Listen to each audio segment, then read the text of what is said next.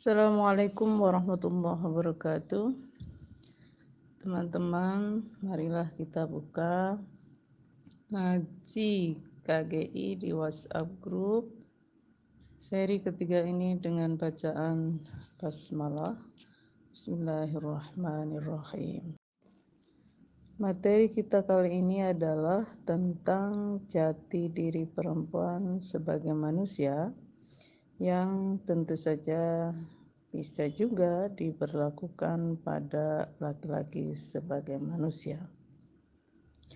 Mengapa jati diri perempuan sebagai manusia perlu ditekankan? Karena sejarah panjang uh, umat manusia ini diwarnai dengan kesadaran bahwa hmm, perempuan itu bukan manusia.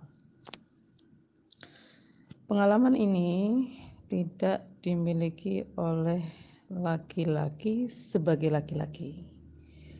Bahwa laki-laki mungkin eh, sebagai bangsa Indonesia misalnya pernah dijajah dan diperlakukan tidak manusiawi namun laki-laki tidak pernah mengalami tidak dianggap manusia hanya karena menjadi laki-laki, sedangkan perempuan dalam sejarah manusia pernah dianggap bahkan di beberapa tempat masih dianggap bukan manusia hanya karena menjadi perempuan. Karenanya tema kali ini lebih spesifik bicara tentang jati diri perempuan sebagai manusia.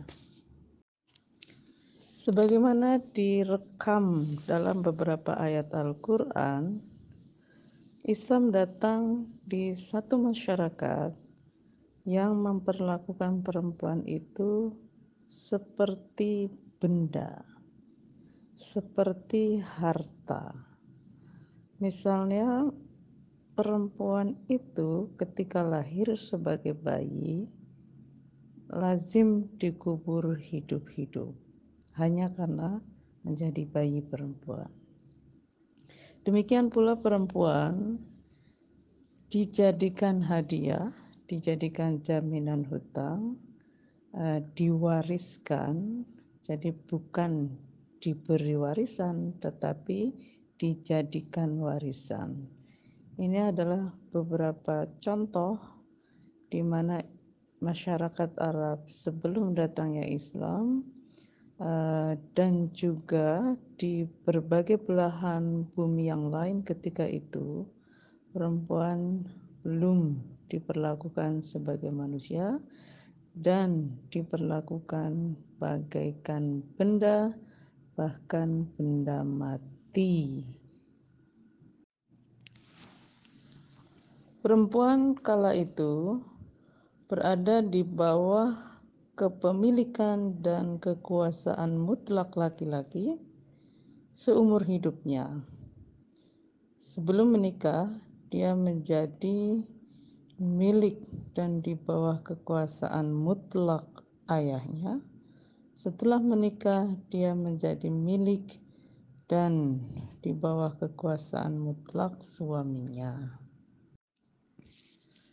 Dalam surat Al-Hujurat ayat 13, Allah Subhanahu wa taala berfirman, Bismillahirrahmanirrahim. Ya ayyuhan nasu inna khalaqnakum min dzakari wa unsa وجعلناكم شعوبا وقبائل لتعارفوا إن أكرمكم عند الله أتقاكم إن الله عليم خبير Wahai manusia, sesungguhnya kami ciptakan kalian terdiri dari laki-laki dan perempuan, dan kami jadikan kalian berbangsa-bangsa dan bersuku-suku untuk saling mengenal.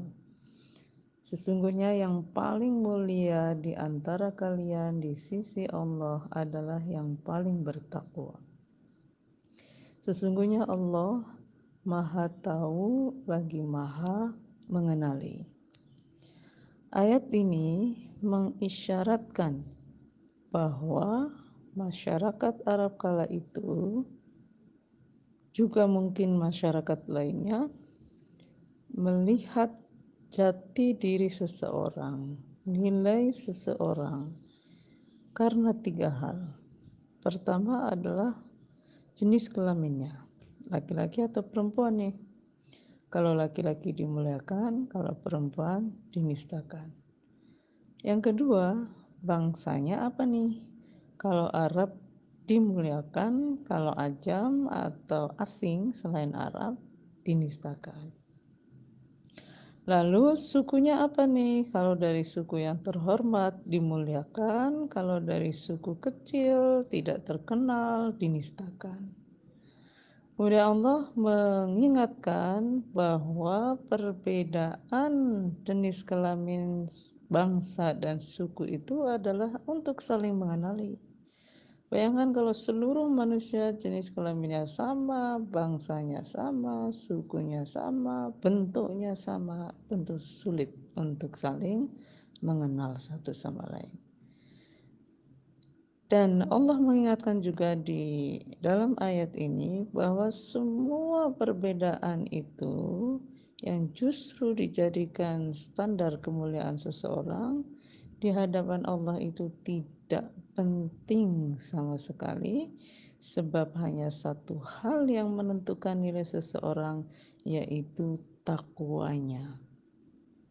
Nah, apa itu takwa? Nanti coba kita bahas. Kemudian Allah menegaskan bahwa sesungguhnya Dia, sesungguhnya Allah itu Maha Tahu siapa yang paling bertakwa di antara manusia dan Maha mengenali. Jadi Allah itu tidak akan keliru. Allah itu tidak terpukau ya oleh penampilan lahir melainkan eh, jati diri manusia itu ditentukan oleh takwanya mau laki-laki mau perempuan suku Arab eh, suku Jawa misalnya ya atau yang lainnya bangsa Arab bangsa Indonesia atau lainnya semua itu tidak penting sebagai parameter nilai manusia di hadapan Allah. Apa arti takwa? Secara ringkas, takwa adalah hubungan baik kita dengan Allah yang melahirkan hubungan baik dengan makhluknya. Takwa adalah sikap manusia yang sesuai dengan status dan amanah melekat di dalam dirinya. Apa itu status melekat manusia di dalam dirinya? Manusia apa pun apapunnya dilahirkan dengan status sebagai hanya dan hanya hamba Allah. Inilah yang kita kenal dengan ajaran tauhid hanya menuhankan Allah, itu artinya manusia tidak akan meletakkan dirinya sebagai hamba siapa pun dan apa pun selain Allah. Dalam sistem sosial sebagaimana terjadi di Arab saat datangnya Islam, perempuan adalah hamba laki-laki maka tauhid mengubah relasi ini bahwa laki-laki dan perempuan itu hanya hamba Allah. Maka perempuan tidak boleh diperlakukan sebagai hamba oleh laki-laki dan laki-laki tidak boleh juga memperlakukan perempuan seperti hamba. Karena apa? Karena laki-laki dan perempuan itu hanya dan hanya hamba Allah. Yang kedua, laki-laki dan perempuan sebagai manusia juga sama-sama punya amanah melekat sebagai khalifah fil sebagai pemimpin di muka bumi atas segala makhluk Allah yang tugasnya adalah mewujudkan kemaslahatan seluas-luasnya.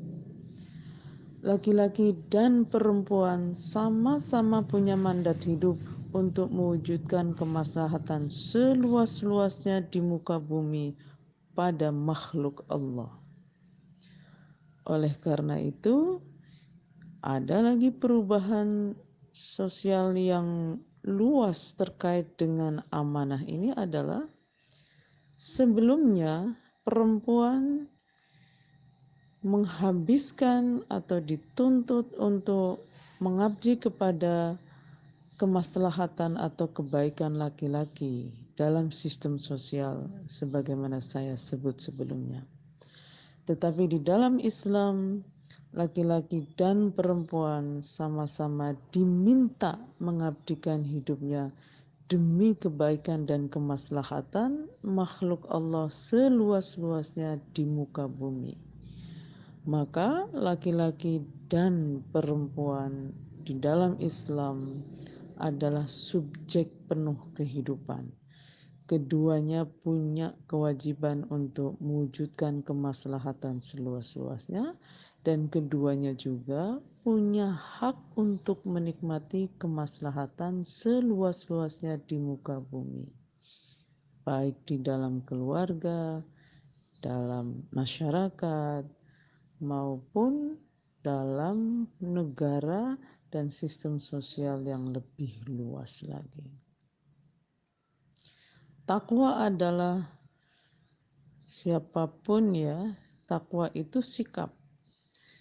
Sikap tauhid betul-betul hanya menuhankan Allah yang melahirkan kemaslahatan pada makhluk Allah atau iman kepada Allah sebagai satu-satunya Tuhan yang melahirkan sikap baik atau amal soleh pada makhluknya.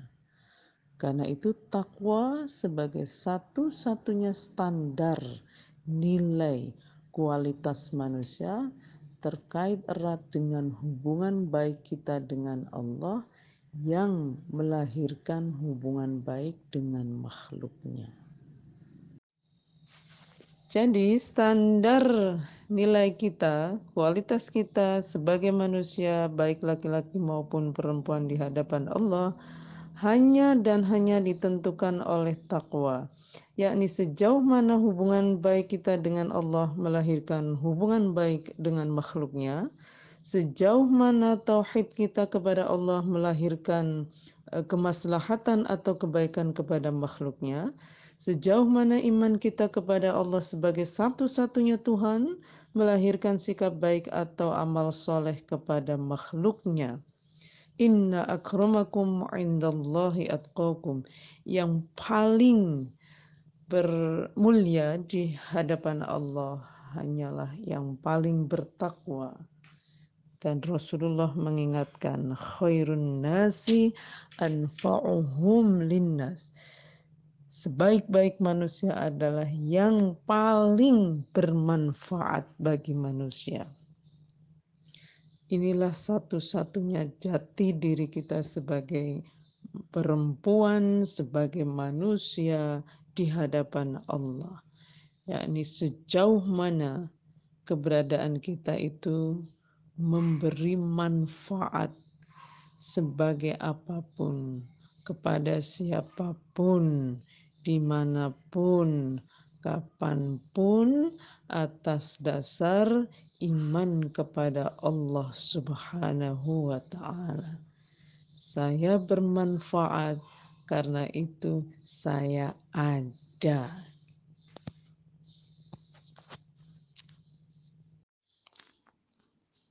Karena takwa sebagai satu-satunya standar manusia di hadapan Allah itu terkait erat dengan tauhid kepada Allah yang melahirkan kemaslahatan kepada makhluknya atau iman kepada Allah yang melahirkan perilaku baik atau amal soleh kepada makhluknya, maka dalam Al-Quran dan hadis bertaburan kata-kata yang menghubungkan antara takwa, antara iman dengan perilaku baik kepada makhluk Allah.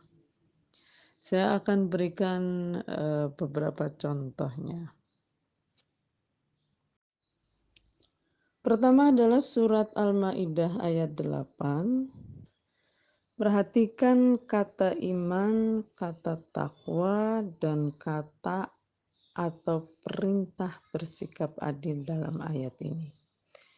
بسم الله الرحمن الرحيم.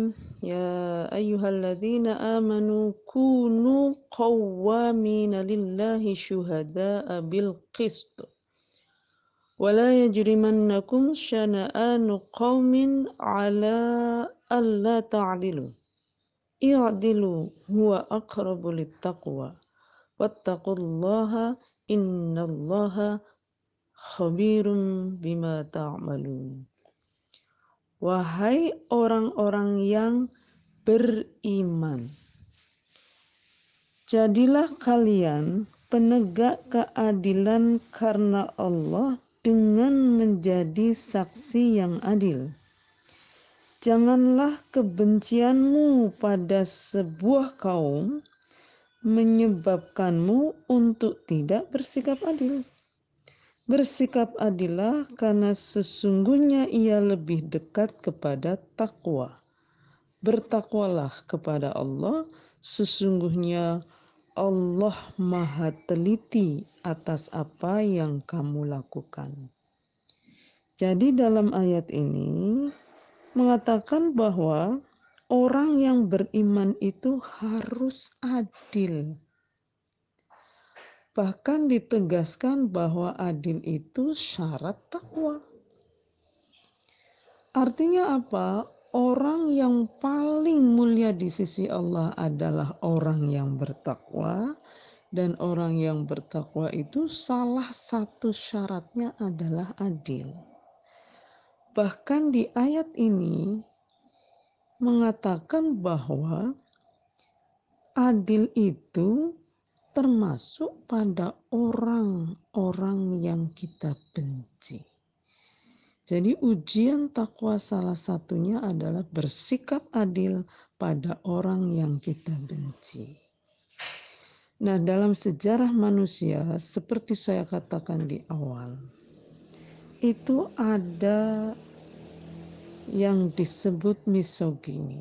Misogini itu adalah cara pandang yang mengandung kebencian kepada perempuan, sehingga perempuan kemudian dinistakan, diperlakukan tidak adil, mendapatkan kekerasan, dan seterusnya. Jadi, secara spesifik, ayat ini bisa difahami sebagai berikut: standar kemuliaan manusia itu adalah takwa, Takwa itu mensyaratkan adil termasuk kepada orang yang kita benci, sedangkan sejarah manusia diwarnai oleh kebencian kepada perempuan atau misogini, maka syarat dari orang yang paling mulia di sisi Allah adalah takwa dan salah satu tanda dari takwa itu adalah adil pada perempuan. Begitu juga uh, di dalam hadis, ada sebuah hadis riwayat Bukhari Muslim tentang khutbah wada atau perpisahan yang disampaikan Rasulullah Shallallahu Alaihi Wasallam ketika haji. Khutbah itu panjang sekali. Inti dari khutbah itu adalah kalian beriman kepada Allah, kalian harus bersikap manusiawi kepada manusia. Nah, salah satu penggalan yang menarik adalah kalimat yang menghubungkan ketakwaan seorang suami kepada Allah dengan perilakunya kepada istri. Bunyinya seperti ini. Ittaqullaha fin nisa'i. Bertakwalah kalian uh, kepada Allah dalam memperlakukan istri. Fa innakum akhadtumuhunna bi amanatillah wastahlaltum furujahunna bi kalimatillah karena kalian meminang, meminang mereka dengan amanah Allah dan menghalalkan vagina mereka dengan kalimat Allah. Jadi perilaku suami kepada istri itu ikut menentukan kualitas ketakwaannya kepada Allah sampai dengan perilaku di atas ranjang. Wastahlaltum furujahunna bi kalimatillah menghalalkan vagina mereka dengan kalimat Allah itu artinya adalah hubungan seksual. Maka standar nilai manusia itu mulia atau tidak di hadapan Allah hanyalah karena takwanya dan salah satu indikator kuat dari takwa itu adalah bersikap baik kepada istri sampai dengan di atas ranjang. Tentu saja ini juga berlaku bagi istri kepada suami. Jadi satu-satunya jati diri manusia itu ditentukan oleh ketakwaannya dan takwa itu adalah hubungan baik dengan Allah yang melahirkan hubungan baik kepada manusia. Karenanya takwa itu juga terkait hubungan baik dengan Allah yang melahirkan hubungan baik antara suami dan istri sampai dengan perilaku suami istri di atas ranjang itu juga ikut menentukan kualitas takwa mereka. Artinya kalau perilaku itu baik, maka kualitas takwanya baik juga. Tapi kalau perilaku suami pada istri atau istri pada suami itu buruk, maka tentu saja uh, kualitas ketakwaannya sebagai manusia, sebagai suami atau istri juga buruk. Islam hadir di masyarakat Arab ketika itu selama 23 tahun. Dan selama 23 tahun ini Islam mengubah status, nilai, dan peran perempuan secara revolusioner sekali. Misalnya sebelumnya status perempuan adalah harta, benda, hamba dari laki-laki. Islam menegaskan bahwa laki-laki dan perempuan itu hanya hamba Allah dan dua-duanya mempunyai mandat sebagai khalifah fil yang tugasnya adalah mewujudkan kemaslahatan seluas-luasnya. Begitupun perubahan tentang nilai uh, perempuan sebagai manusia. Semula nilai perempuan sangat rendah sekali bahkan tidak ada. Uh, Islam kemudian menegaskan bahwa laki-laki dan perempuan itu nilainya tidak ditentukan oleh jenis kelamin melainkan oleh sejauh mana tauhid dan imannya bisa melahirkan kemaslahatan perilaku baik kepada makhluk Allah seluas-luasnya. Begitu juga soal peran. Kalau semula peran perempuan adalah melayani laki-laki uh, demi kemaslahatan atau kebaikan laki-laki, maka di dalam Islam laki-laki dan perempuan mesti mengabdikan hidupnya untuk kemaslahatan makhluk Allah seluas-luasnya di muka bumi. Maka laki-laki dan perempuan di dalam Islam, cita-cita tertinggi Islam adalah keduanya menjadi subjek penuh kehidupan. Kehidupan di rumah tangga, kehidupan sosial, kehidupan bernegara, dan kehidupan dalam sistem sosial yang lebih luas laki-laki dan perempuan sama-sama subjek penuh. Keduanya wajib uh, berikhtiar untuk mewujudkan kemaslahatan seluas-luasnya dan sekaligus kedua-duanya berhak untuk menikmati untuk mendapatkan kemaslahatan seluas-luasnya di muka bumi. Jadi, Jati diri perempuan sebagai manusia itu tidak berbeda dengan jati diri laki-laki sebagai manusia.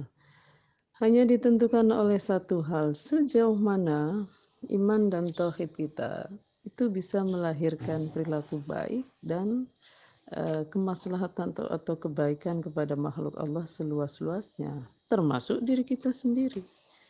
Maka keislaman kita itu juga hanya ditentukan oleh satu hal, yaitu kita berbuat baik pada diri sendiri sekaligus orang lain seluas-luasnya. Kita tidak dolim pada diri sendiri, kita memberi manfaat pada diri sendiri, juga memberi manfaat kepada orang lain seluas-luasnya. Di sinilah pertaruhan keislaman kita ditentukan. Begitu juga dengan keluarga yang islami apa pun namanya, keluarga sakinah, keluarga maslahah, keluarga sejahtera, keluarga berkah dan lain-lain, itu juga indikasinya satu saja. Keluarga itu memberi kemaslahatan atau kebaikan pada seluruh anggotanya tanpa kecuali dan keluarga itu memberi kebaikan atau manfaat pada keluarga-keluarga lain seluas-luasnya. Sama saja dalam konteks masyarakat. Misalnya umat yang ideal itu seperti apa? Khairu ummah itu seperti apa? Kurang lebih sama. Organisasi Islam itu tandanya apa? Partai Islam itu tandanya apa?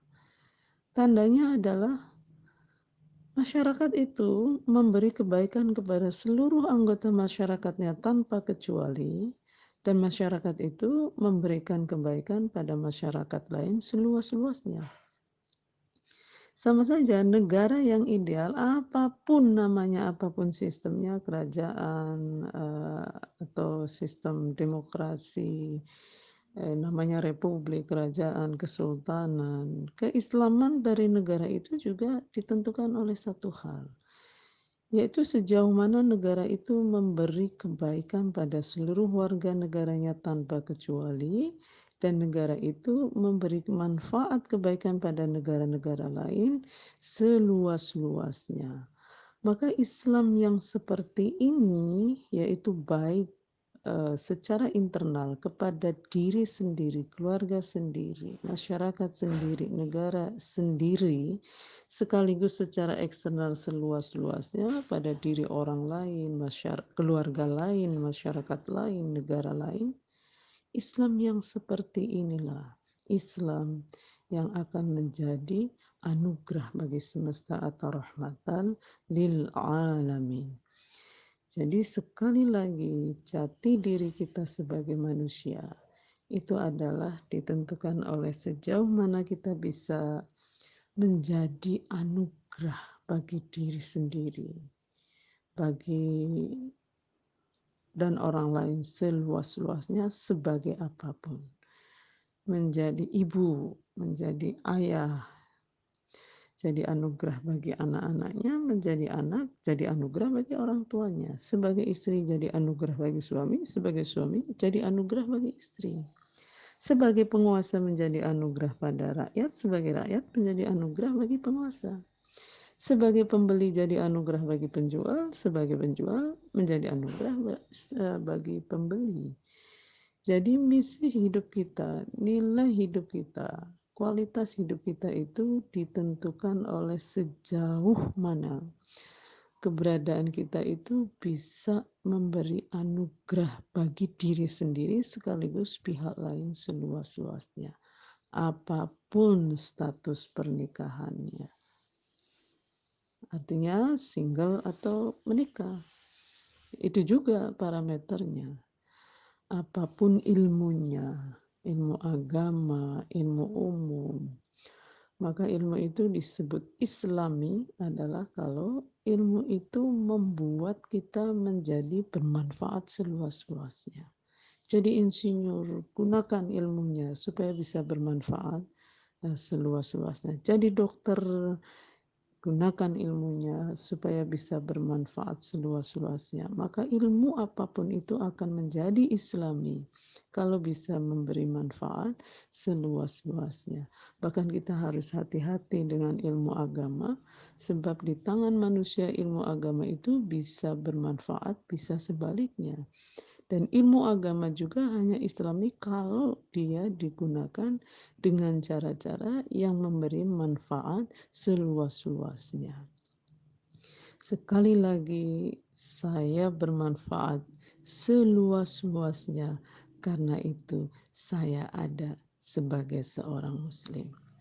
Demikian kurang lebihnya mohon maaf. Assalamualaikum warahmatullahi wabarakatuh.